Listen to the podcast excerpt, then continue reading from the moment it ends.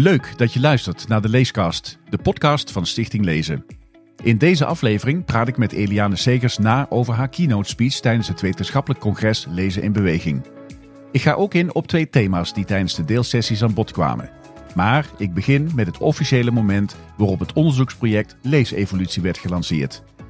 Leesevolutie is een project dat hoort bij de Nationale Wetenschapsagenda met de Universiteit Utrecht als penvoerder. Tussen 2024 en 2032 werken consortiumleden samen met partners buiten het consortium aan de herinrichting van het Nederlandse leesonderwijs. Zij ontvangen hiervoor een subsidie van 5,3 miljoen euro. Het consortium wordt geleid door Els Stronks van de Universiteit Utrecht. Zij legt nog eens uit waarom dit onderzoek nodig is, bovenop al het bestaande onderzoek. Nou, het onderzoek is nogal versplinterd. Je zou simpel kunnen zeggen, er zijn mensen die doen onderzoek naar literatuuronderwijs en mensen die doen onderzoek naar begrijpend lezen. Dat gaan we beter bij elkaar brengen, zodat docenten en ook leerlingen vooral hè, niet in hun hoofden uit elkaar worden getrokken van hoe Mhm. moet het nou echt. Het onderzoek loopt ook een beetje achter de feiten aan, omdat digitale media heel veel eh teweeg brengen. Dat is er eigenlijk nog niet goed in verdisconteerd. We hoorden net van Elian ook dat dat ook allemaal heel snel gaat. Dus ook dat is een noodzaak. En de praktijk en het onderzoek zijn ook op een bepaalde manier op elkaar aangesloten. En ook daar kan het beter. Toen was het zover. In het bijzijn van Inge Vossenaar, directeur-generaal funderend onderwijs bij het ministerie van OCW, sprak Els Stronks de startverklaring uit. We hebben een, eh, een naam voor het project gevonden. We zijn natuurlijk bij MWO begonnen en dan begin je Engelstalig. Maar inmiddels heten wij in het Nederlands Leesevolutie. Die naam hebben we te danken aan eh, drie studenten van het Grafisch Lyceum Utrecht. Die ons ook bij de beeldvorming hebben geholpen. Logo hebben gemaakt. Ik moet zeggen dat het aan de ene kant een treurige dag voor mij is. Ik ben historisch letterkundige en eh, speciaal gespecialiseerd in de 17e eeuw. Ja, toen was Nederland stond aan de top in Europa als het ging over lezen, boeken produceren. Veel praten over wat er gelezen werd. Dat is inmiddels niet meer zo. Ehm, aan de andere kant vind ik het echt een hele bijzondere dag, omdat we in dit project echt alle krachten gaan bundelen. Waardoor de versnippering ook in alle goede dingen die al uit zijn gevonden en waarvan we weten dat ze werken, dat we die tegen kunnen gaan. En wij hebben echt goede hoop dat we daarmee de curve de andere kant op krijgen. En dat we, zo zien wij dit eigenlijk ook maar, het is een proces waar we in zitten. En het kan ook weer de andere kant op. Na alle plichtplegingen en het fotomoment nam Inge Vossenaar de startverklaring in ontvangst. En zij sprak als volgt. Eh, je kan geen beter moment wensen om een leesevolutie met elkaar in gang te zetten. En om alle wetenschappelijke kracht die er is over alles wat met lezen en de ontwikkeling van eh, kinderen, maar ook ouderen eh, op dat terrein te maken heeft, met elkaar te bundelen. Eh, van de vorige week hebben we de uitslagen van de PISA gekregen. Nou, die dreunen nog na eh, Mhm. bij ons op het departement, maar ook in de onderwijssector en op andere plekken. En dat is natuurlijk niet het eerste signaal. Volgens mij maken wij ons al veel langer echt zorgen over de manier waarop het lezen in Nederland zich ontwikkelt. En er is de afgelopen periode heel veel onderzocht. Maar er zijn ook nog heel veel vragen open. En ik Ja. denk dat de kracht volgens mij van dit traject is dat we een heleboel van die verschillende disciplines met elkaar eh, verbinden. Maar ook dat we het nou aan het onderwijs verbinden. En door praktijk en eh, door eh, wetenschappelijke kennis nou aan elkaar verbinden, hoop ik inderdaad dat wat Els al zei, dat de curve echt een andere kant op gaat Ja. de komende periode. Want dat is gewoon nodig. Voelt u ook een beetje haast? Ja, maar ik weet dat we ook een zeker geduld nodig hebben. Ja, nou ja, we hoorden het net. We moeten sowieso acht jaar wachten hè, totdat het af is. We Vanuit- hopen in de tussentijd al dat er natuurlijk resultaten komen. Ja, vanuit politiek perspectief is acht jaar een soort oneindige eh, grootheid. Ja, dat is waar. Ja. Het is twee kabinetten. Tegelijkertijd gaat het om de ontwikkeling van mensen, nou misschien wel vijf. Eh, eh, het gaat om de ontwikkeling van kinderen en van mensen. En acht jaar is ook precies de hele periode dat je op de basisschool zit. Dus Ja. daar hou ik me dan maar aan Ja, vast. Ja, dat is mooi. Ja. Ja, ja, ja. En welke inspanningen levert het ministerie? Afgelopen jaar zijn we gestart met een masterplan basisvaardigheden. Waarvan lezen en taal echt een wezenlijk onderdeel is. Naast burgerschap, naast rekenen en naast digitale vaardigheden. Want die wil ik nog wel even expliciet noemen. Ook de verbinding tussen wat je digitaal kan en lezen.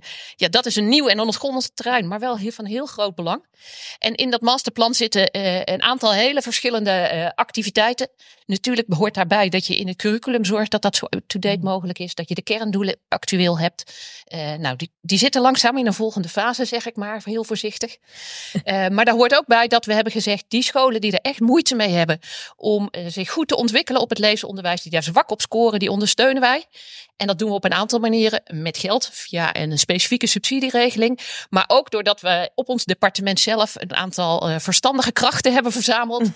Uh, die de scholen ondersteunen in wat, wat is er dan beschikbaar en wat kan ik dan? En die een netwerk hebben, ongetwijfeld ook onder u allemaal, om de juiste kennis op de juiste plek in te zetten. En dan uh, daarnaast hebben we ons ook wel gerealiseerd, lezen is niet alleen iets wat je op school doet.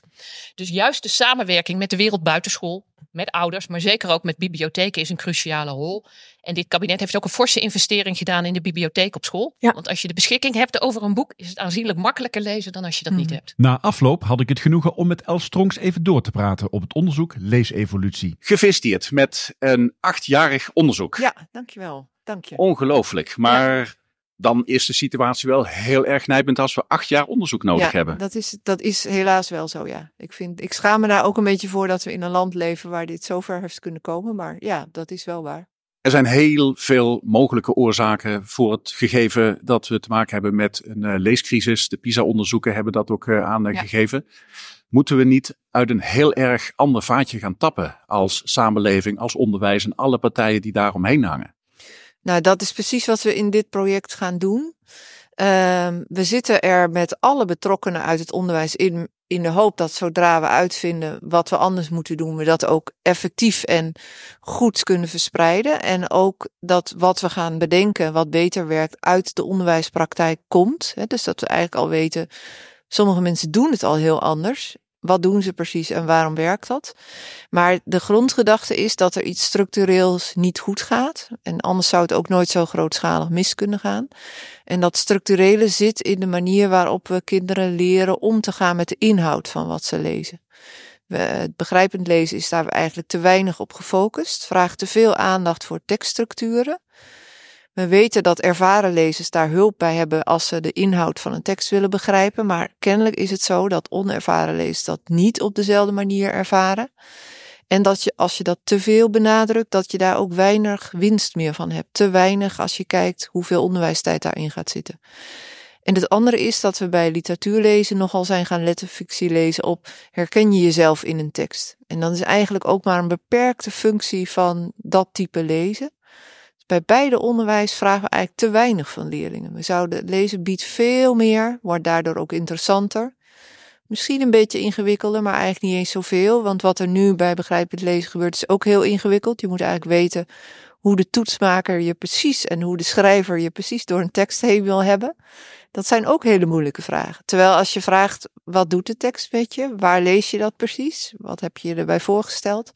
Dan kunnen leerlingen veel meer kwijt van wat ze ook bijvoorbeeld al leren door naar Netflix te kijken. Want dat is ook eigenlijk kijken ze de hele dag naar andere mensen en naar de wereld, alleen niet meer via het medium tekst. En het medium tekst heeft het in zich dat je ook heel goed naar de wereld en naar anderen en van alles leert kijken. Het vraagt alleen enige vaardigheden in jezelf aanleren hoe je dat doet. Ja, en dan begint het bij kinderen verleiden, motiveren om Ja. die stap te zetten. Ja, en uh, dat is ook wel goed te zien. Dat het, het is ook wel iets wat we ze een beetje afleren. Er zit een enorme motivatie diep bij kinderen, zo rond groep uh, zes. En ook daar moeten we goed naar kijken, waar komt die vandaan? Uh, wat is daar de oorzaak? En wat is eigenlijk het verband met wat ze op dat moment gaan doen? Namelijk, begrijpend lezen wordt dan geïntroduceerd. Dan moeten ze ook gaan lezen om te leren. Dat is ook ingewikkelder soms. Niet alleen maar meer voor plezier. Maar wij, niet alle landen hebben zo'n dip op die leeftijd. Dus er is echt iets wat wij in ons onderwijs hebben zitten, wat maakt dat dit zo uitpakt. Ja. Moeten we kinderen ook iets gaan afleren? Als ik kijk naar de hele discussie rondom AI en ChatGPT, dit is vandaag aan bod uh, geweest. Hè? Er zitten ja. heel veel gevaren zitten. Is ja. dat ook onderdeel van het onderzoek? Ja, we kunnen het niet stopzetten. Kijk, bij de telefoons kun je nog zeggen, het mag niet in de klas en dan is het er even niet. Maar AI gaat overal zijn. En zij gaan natuurlijk voor hun taalontwikkeling ook van AI gebruik maken. Dus we moeten ook zelf zien hoe je AI, daar kun je als lezer ook wel veel uh, mee. Uh, Eliane Segers gaf net het voorbeeld als je aan uh, ChatGPT of aan een plaatjesprogramma wat op hetzelfde type model gebaseerd is, dus modellen die ook zelf weer iets kunnen maken, vraagt hoe ziet de ideale vrouw eruit, dan krijg je een witte vrouw. En dat betekent dat die programmaatjes, die helemaal getraind zijn met materiaal die wij er zelf in stoppen, jou heel goed op vooroordelen kunnen wijzen. Ja. Dat is eigenlijk een hele aparte manier om ze te gebruiken. Zo zijn ze natuurlijk niet ontworpen. Maar als je in lezenonderwijs op het spoor wil komen, waar zitten onze stereotypen en vooroordelen, kun je ChatGPT heel goed gebruiken. Ja, er circuleert al een tijd lang een soort leesopdracht voor ChatGPT. Van je kan ChatGPT vragen, vul de zin voor mij aan. De dokter uh, komt de, de, de kamer binnen, hm, hm, hm, vertelt mij slecht nieuws. En je vraagt ChatGPT, vul op die puntjes in wat daar staat. Dan zegt hij tien van de tien keer hij. En dus er zit een gender bias in, dat, ja. in die taal die wij maken. En dat is natuurlijk. En dat is juist dat nadenken over wat zeg ik hier eigenlijk? Of wat staat hier eigenlijk? Dat is heel interessant. Vinden kinderen ook hartstikke leuk. En je, eigenlijk moet je van lezen een groot detective opgave maken. Hè? Er is iets, jij wil het weten. Het is waardevol voor jou. Ja, dat, dat is eigenlijk wat een tekst is. Ja, en in plaats van het te ontkennen als samenleving, moeten we het denk ik omarmen. Uh, Waardoor uh, leerkrachten ook uh, gestimuleerd worden om creatiever hun opdrachten ja. aan leerlingen uit te vaardigen. Waarbij ze wel vrijelijk gebruik mogen maken van ChatGPT. Ja, ja, ik denk dat dat toch wel een verantwoordelijkheid is van ons. En dat is nog best ingewikkeld, omdat het voor ons ook allemaal nieuw is. Dus wij moeten in rap tempo niet alleen gebruikers worden, maar ook beseffen wat het doet voor anderen. En dat is best ingewikkeld, maar we kunnen het niet ontkennen. Dat gaat niet werken. Tot slot, een aantal sessies vandaag gaat over meertaligheid. Ja. Is meertaligheid ook een van de knoppen waaraan we kunnen draaien? Omdat we steeds meer geconfronteerd worden met mensen van buitenaf die een ja. andere taal spreken. In Eindhoven ja. hebben we heel veel experts bijvoorbeeld zitten met ja. ASML. Ligt daar ook een uh, deel van de oplossing? Ja, nou het goede nieuws is dat meertaligheid heel erg goed is voor je taalontwikkeling. Als je te één taal supergoed beheerst, hè, we zeggen dan moedertaalniveau, native en daarnaast een andere taal uh, wil leren of aan het leren bent, dan helpt het heel goed als je die taal, die eerste taal heel goed beheerst. Dus er is geen enkele reden om te zeggen je moet mensen eentalig opvoeden. Dat is eigenlijk een no-go. Dat moet je niet doen. Het tweede goede nieuws is dat ook het andere taalonderwijs in Nederland gaat veranderen. Dus ook Engels, Frans, Duits gaat meer doen met inhoud van teksten. Dus dat leesonderwijs is nu eigenlijk een beetje op dezelfde manier georganiseerd als bij Nederlands. En ook zij gaan daar met de herinrichting van de kerndoelen van afstappen. Dus dan gaat dat meertaligheidsonderwijs gaat ons ook helpen. Daar komt eigenlijk ook uit meerdere hoeken hetzelfde geluid op de leerlingen af. En dat gaat denk ik ook heel erg werken. En ook daar zullen we aan moeten wennen met elkaar. Ja. Het, het ja. omarmen van de meertaligheid in Nederland. Ja, en dat daarbij komt ook dat je eigenlijk ook uh, niet alleen de meertaligheid, maar vooral ook de multiculturaliteit die erachter zit, aan de orde gaat stellen. En we weten dat dat voor kinderen heel belangrijk is, want de cultuur is eigenlijk bepaald ook wie jij bent. Klopt. En daarover leren nadenken vinden ze over het algemeen ook heel interessant. Ook heel ingewikkeld, hè? zeker als we het hebben over de Nederlandse identiteit. Dat is een onderwerp wat we in Nederland niet zo makkelijk te bespreken vinden. Maar het is wel interessant. Het is altijd inherent interessant voor de lezer. Er is in, in, als het over cultuur gaat, geen onderwerp wat niet interessant is voor lezers. En daar moet je eigenlijk ook veel meer gebruik van maken. Ja. Waar staan we over acht jaar? Dat, het, dat we over acht jaar heel veel beter ervoor staan. We hebben landen waar, waar we van zien, als je iets drastisch verandert, levert het ook echt iets anders op. Uh, en ik denk dat we ook in de aanloop naar dit project al zoveel achter de schermen gepraat hebben met over. Hè, dit, dit gaat alleen maar goed als we op heel veel punten allemaal tegelijk hetzelfde gaan veranderen. Dat zal ingewikkeld worden om iedereen op die koers te houden en te krijgen. Maar ik merk wel een enorme. Ja, iedereen voelt natuurlijk de enorme urgentie. Ja, zeker. En, en ik ben vooral verrast om te zien dat heel veel jonge mensen in deze zaal ja, zitten. Ja. Nou, dat vind ik ook, dat is eigenlijk het ontzettende hoopvolle natuurlijk ook. Hè. En ik denk ook, dat dit gaat ook deels wel over een generatie ding. Dit is, we hebben het ooit op een bepaalde manier gedaan ook die generatie moet beseffen, het heeft helaas niet opgeleverd wat we hoopten. Er zat natuurlijk allemaal goede gedachten achter, maar we moeten dit loslaten. Nou, ik prijs mij gelukkig uh, met het uh, gegeven dat ik aan de goede kant van het onderwijs heb gezeten. Met mijn bouwjaar 1966. Ja, dat is dan net een beetje. Ja. dat geldt voor mij net zo. Ja.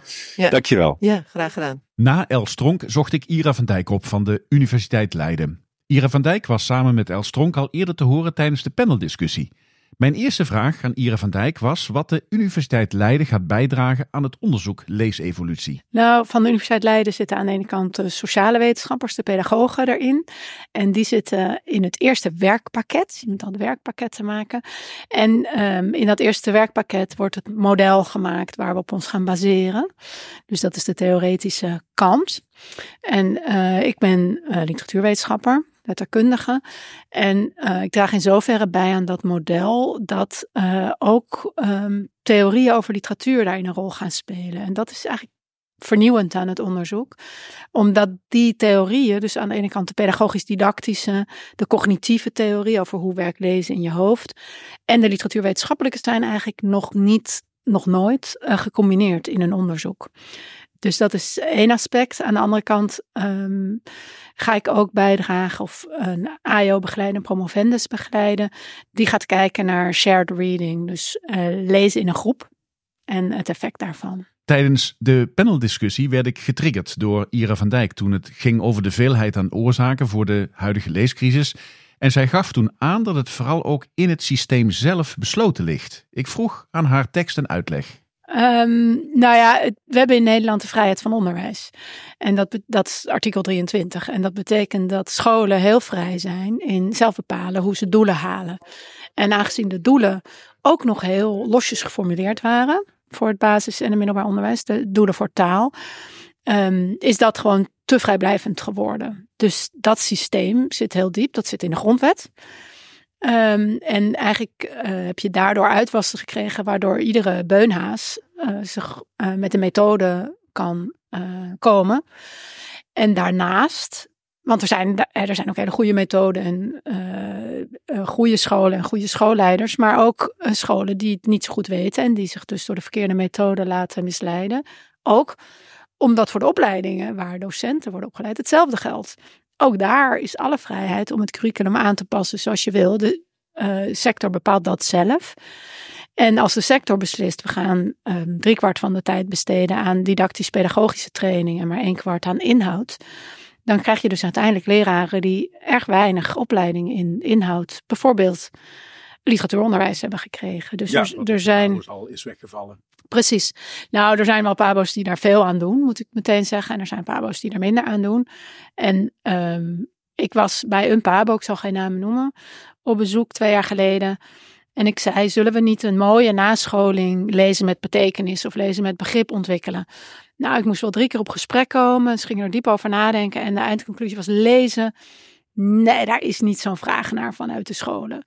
Dus Pabo's denken toch nog steeds, of dachten twee jaar geleden in ieder geval nog, um, dat het niet relevant was. Vrijheid, vrij, vrijblijvendheid is uh, heel erg groot. Ik heb dat zelf ook op scholen ervaren. Er kan daar heel erg veel. Ik was daar verbaasd over. Ik dacht namelijk dat dat vanuit het Rijk best wel behoorlijk was vastgelegd. Pleit jij voor meer stringente normering uh, richting scholen? Nou, het probleem daarvan is, is dat je, de politiek zegt dan meteen, we willen geen staatsonderwijs. Nee, en uh, zeker niet met deze regering die daar aankomt, wil je dat niet. Hè. Het risico is dan dat je ideologie in het onderwijs filtert. Dus de vrijheid van onderwijs is in die zin een groot goed. Dus dat je niet wil dat een overheid beslist dat bijvoorbeeld islamitische scholen niet mogen en christelijke scholen wel. Dus daar heb je artikel 23 voor nodig. Maar scherpere eisen stellen in meer detail wat nu ook wel gaat gebeuren met uh, nieuwe kerndoelen en eindtermen. En daar ook op handhaven kan binnen artikel 23 natuurlijk wel. Want scholen hebben prestaties. En ik, wat heel vaak wordt genoemd, is de lump sum. De hoeveelheid geld die in één keer naar schoolbesturen wordt overgemaakt zonder al te veel oormerken. Meer eisen stellen aan hoe de lump sum wordt besteed. Um, helpt ook. Heb je een visie op de rol die bibliotheken spelen in uh, het terugdringen van laaggeletterdheid? Zeker. Aan de ene kant uh, hebben die een heel belangrijke rol, uh, ook voor volwassen laaggeletterdheid, hè, waar we het helemaal niet over gehad hebben. En ons project gaat daar niet over. Maar daar gebeurt ontzettend veel aan cursussen en ook cursussen NT2 en begeleiding van computerwerk, dat soort dingen. Um, en voor het onderwijs hebben ze vooral een rol in de bibliotheek op school waarmee ze de scholen inkomen. En ik denk dat ook daar de bibliotheek. Kijk, iedereen moet een stapje harder gaan lopen. Wij wetenschappers moeten harder lopen om uh, in de praktijk effect te hebben. In de praktijk moeten mensen harder gaan lopen en um, meer eisen stellen aan hun eigen leesvaardigheid. Wat hoger leggen voor hun leerlingen. Kritischer zijn op de methode. De uitgevers moeten hun methode. Um, nou ja, in de methode hogere eisen gaan stellen aan wat leerlingen doen. En ook bibliotheekmedewerkers moeten harder gaan lopen. Die moeten uiteindelijk zichzelf zo bijscholen dat ze echt goed weten welke leerling op welk moment wat nodig heeft. En daar ontbreekt het nog vaak aan. We hebben in Nederland geen doorlopende leeslijn. Dus bibliotheek, de bibliotheek hebben we nodig eigenlijk om de leraren te ondersteunen in het vormgeven van een doorlopende leeslijn voor hun populatie.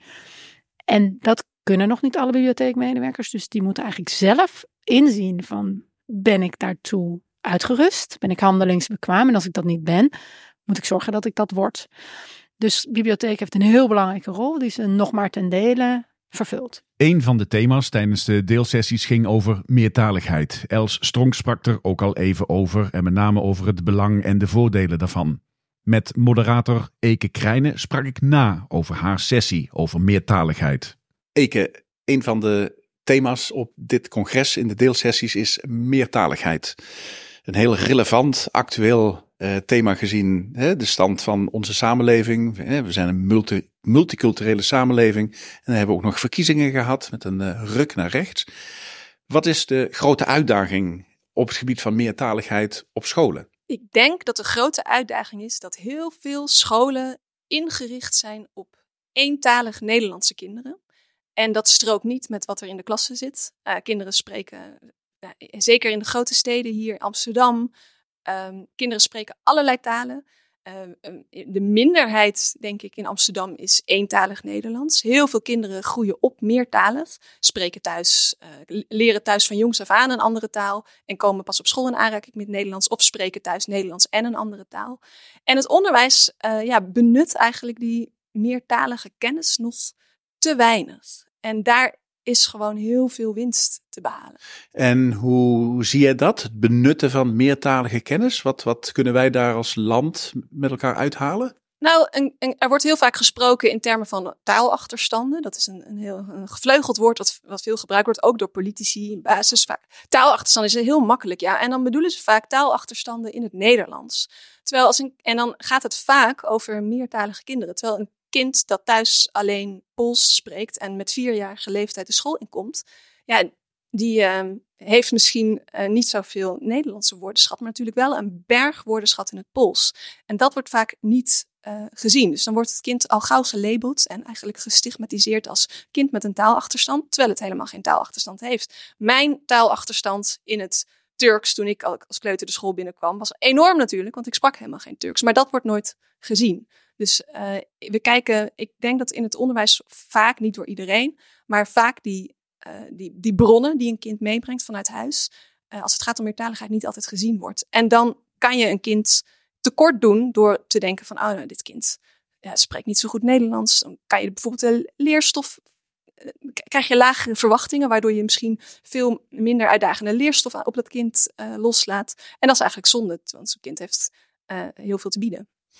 Wat kan een school doen om om te gaan met die meertaligheid, met ja, gewoon de feitelijkheid daarvan? Hè? Want die is, die bestaat en dat zal denk ik ook niet anders worden in de toekomst. Nou, dat werd net in de sessie met de sprekers uh, Johanna Duarte en Oren Agudak en uh, Josje Verhagen al eigenlijk wel benoemd. Dat er, je, je kunt, moet eigenlijk beginnen bij kennis. Dus een leraar die uh, zou eigenlijk simpelweg moeten weten welke talen er in zijn klas zijn weten welke, wat een kind thuis spreekt. Dat heeft te maken met ja, ook interesse in de achtergrond van leerlingen. Net zoals dat je eigenlijk ook wil, überhaupt wel wil weten hoe de thuissituatie eruit ziet. Maar daar hoort kennis over die taal eigenlijk bij. En daarnaast is het dus kennis over die thuistalen, maar ook erkennen, dat zei Joanna net, dat, uh, dat dit de realiteit is. Kinderen zijn meertalig. Dus niet doen alsof die meertaligheid van een kind niet bestaat, maar erop voortbouwen Oran die had het net over het, het, het stimuleren of het inspelen op de voorkennis van een kind. Als je, uh, ervan, als je inspeelt op wat een kind allemaal al weet in zijn eigen taal, dan bouw je voort op de voorkennis die kinderen hebben, die ze meebrengen naar school. En dat, um, ja, dat is een van de grootste pedagogische principes. Dat je niet vanuit gaat dat een kind een, een, een, een, een blanco papier is. Maar dat heeft natuurlijk allemaal voorkennis. Als je daarbij aan kan haken in je onderwijs, is je onderwijs vaak effectiever. En daarbij wat het, het erkennen van meertaligheid, daar ook ruimte voor bieden, zorgt ook voor dat een kind zich gezien voelt. In mijn eigen onderzoek um, hoorde ik, ben ik op scholen geweest waar echt het spreken van een andere taal verboden was, door zowel de kinderen als de ouders. Uh, maar dat geeft ook een signaal af, hey, dat wat jij thuis doet en spreekt, dat is niet van waarde voor het leren op school. En ik denk dat daar, dat in eerste instantie daar gewoon heel veel slagen te maken te zijn door een kind zich gezien te laten voelen. Betekent dit ook dat een leraar dan ook iets meer van de taal zelf moet weten van de kids in de klas? Dus je vraagt eigenlijk of een leraar ook Chinees, Turks, Pools, of, of die al die talen moet kunnen beheersen. Nou, beheersen misschien niet, maar misschien wel in de basis uh, hè, de woorden hè, die, die relevant zijn. Ik kan me voorstellen, een leraar kan niet, een leerkracht kan niet, kan niet alle talen van kinderen kennen. Want in een klas in Amsterdam heb je zo 15 talen. Dus je kunt niet dat kan niet. Het is wel leuk natuurlijk als je hallo in wat verschillende talen weet. Ik denk wel dat daar, dat, dat leuk is, maar ik denk niet dat daar de sleutel zit. Ik denk dat de sleutel veel meer zit in, um, in ja, manieren om om te gaan met die meertaligheid in de klas. En daarvoor hoef je dus eigenlijk niet uh, al die talen te kunnen spreken. Maar bijvoorbeeld door momenten in te bouwen waar, wanneer kinderen in hun thuisstal met elkaar kunnen spreken. Uh, daar ook kaders voor te scheppen. Dat doe je als je bijvoorbeeld aan de aardrijkskunde opdracht werpt. Um, door bijvoorbeeld mogelijkheden te scheppen dat ze op internet in hun thuisstijl bronnen opzoeken. Dat ze dat ook mogen gebruiken voor een werkstuk als een valide bron. En niet zeggen van ja, maar dat, dat is in het Turks. Dat kan ik niet verstaan. Maar gewoon dat dat een, waardevolle bron is. Dus ik denk dat, dat, dat je dus niet um, zelf al die talen hoeft te spreken, maar dat je vooral uh, kennis van meertaligheid aan zich hebt. Dus bewustzijn en ook ja, uh, erkent dat die kinderen meertalig zijn. Zijn er voorbeelden van scholen die hierin voorop lopen? Ja, er zijn, uh, nou, dat werd net ook genoemd. Je hebt in Nederland heb je het, soort, het, een soort keurmerk is het, taalvriendelijke scholen. Dat is uh, vanuit de stichting de Rutu Foundation. En zij, uh, dat is een stichting die zich inzet voor ja, eigenlijk een taalvriendelijk schoolbeleid. En met taalvriendelijk bedoelen ze dan dus alle taalvriendelijk. Niet alleen Nederlands taalvriendelijk, maar dat dus alle talen er een plek hebben in de school. En je, bij de Rutu Foundation kun je inderdaad kun je, je aanmelden voor een voor, voor nou, volgens mij voor trainingen, workshops. Ik weet niet precies hoe het werkt. Maar dan krijg je echt middelen en, en ja, kun je kun je concrete adviezen krijgen hoe je dat kunt doen. Dus dat is er wel. En um, Johanna Duarte, die dus uh, lector meertaligheid is bij de Stende Hogeschool, die heeft ook uh, allerlei ja, online echt een hele verzameling van bronnen waar je, waar je terecht kunt als leerkracht om, om, of, en als school ook om je hierin te bekwamen. Dus er, je kunt heel veel doen. Na afloop van de deelsessies kwam ik ook nog Jeroen Dera van de Universiteit Nijmegen tegen. Aan hem stelde ik de vraag waarom het zo belangrijk is om te weten wat docenten tegen hun leerlingen zeggen als ze de vraag stellen waarom lezen nou zo belangrijk is. Nou ja, kijk, het punt is dat we in uh, onderzoek naar leesmotivatie zien dat hoe relevant je iets vindt, mede bepaalt of je iets wilt gaan doen. Uh, en om die reden is het wel van belang om die legitimeringen in beeld te krijgen. Hè? Dus wat antwoorden docenten? Dat is eigenlijk een heel belangrijke kwestie. Ja. Uh, daar wisten we nog niet zoveel van, daar heb ik zelf onderzoek naar gedaan. Wat voor antwoorden geef je dan? Nou ja, docenten geven daar heel veel verschillende antwoorden op. Dus uh, ik heb in mijn onderzoek 15 type argumenten blootgelegd die docenten in de praktijk inzetten. En dan zie je dat eigenlijk alleen het argument je verbreedt je wereldbeeld ermee, door meer dan de helft van de eerste graadsdocenten Nederlands frequent wordt ingezet in het onderwijs.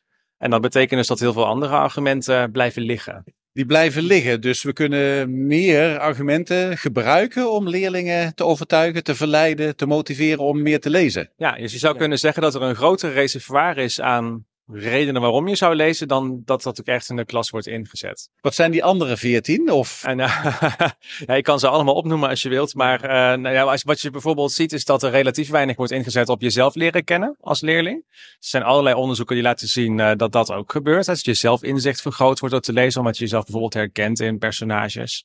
Of omdat jij zelf persoonlijk iets leert.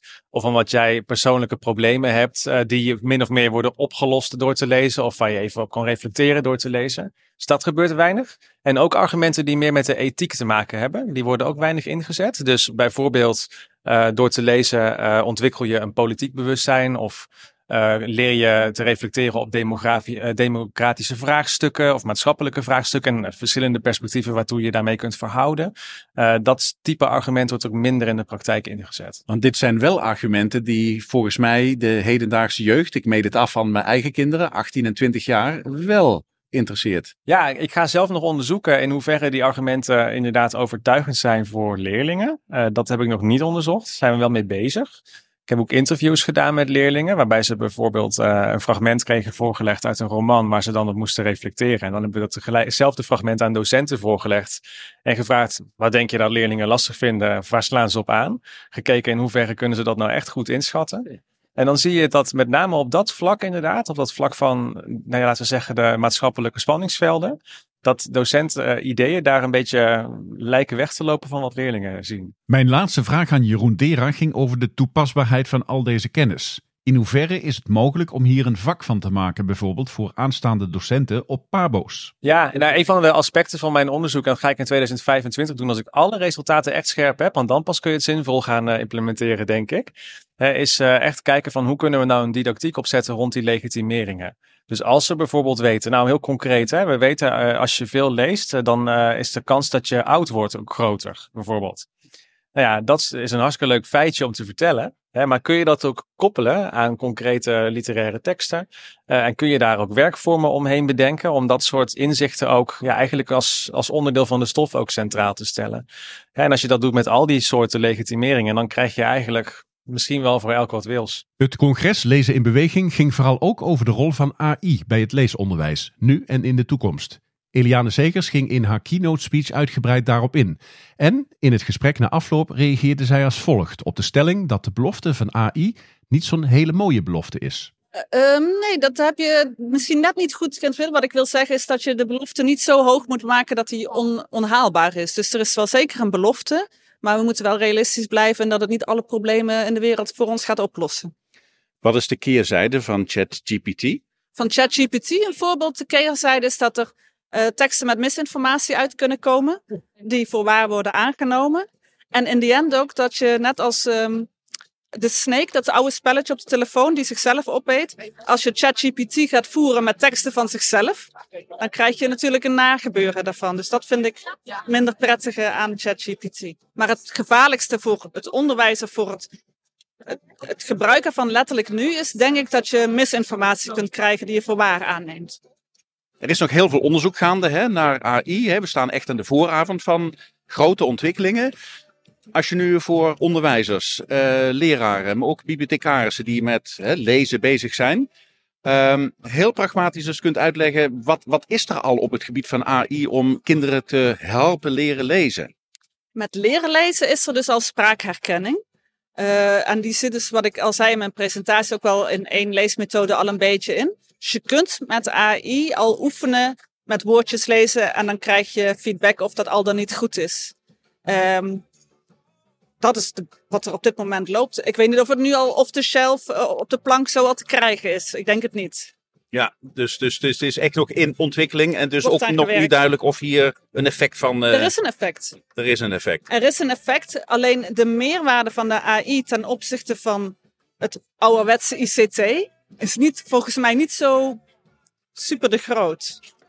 Het is net een iets meer een fine-tuning van die dingen, maar dat moet nog meer onderzocht worden.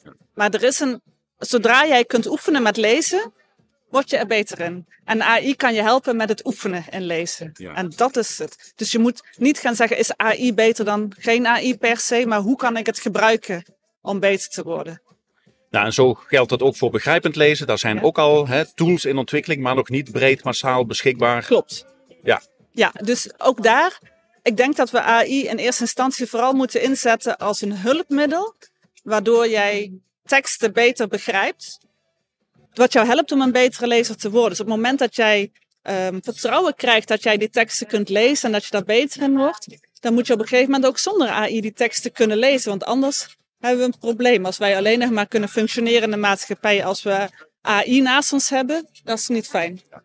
Laatste vraag. Jouw uh, laatste plaatje over leesevolutie. Hè? Het Ja. uh, grote onderzoeksprogramma dat gaat lopen. Ja. Dat doet ook vermoeden alsof AI daar een hele belangrijke uh, plek in gaat krijgen. Het onderzoek uh, gaat er vooral ook om dat wij uh, moeten, ons moeten realiseren als onderzoekers en ook als maatschappij. Dat we in een maatschappij leren die sterk gedigitaliseerd is. Dus daar moeten we mee gebruik van maken op de best mogelijke manier. Het is niet um, technologische determinatie dat je per se dus het moet. Maar we leven wel in zo'n wereld waarin we daarmee moeten omgaan. Dus moeten we met onderzoek zorgen dat we weten hoe we daar op de beste manier mee omgaan.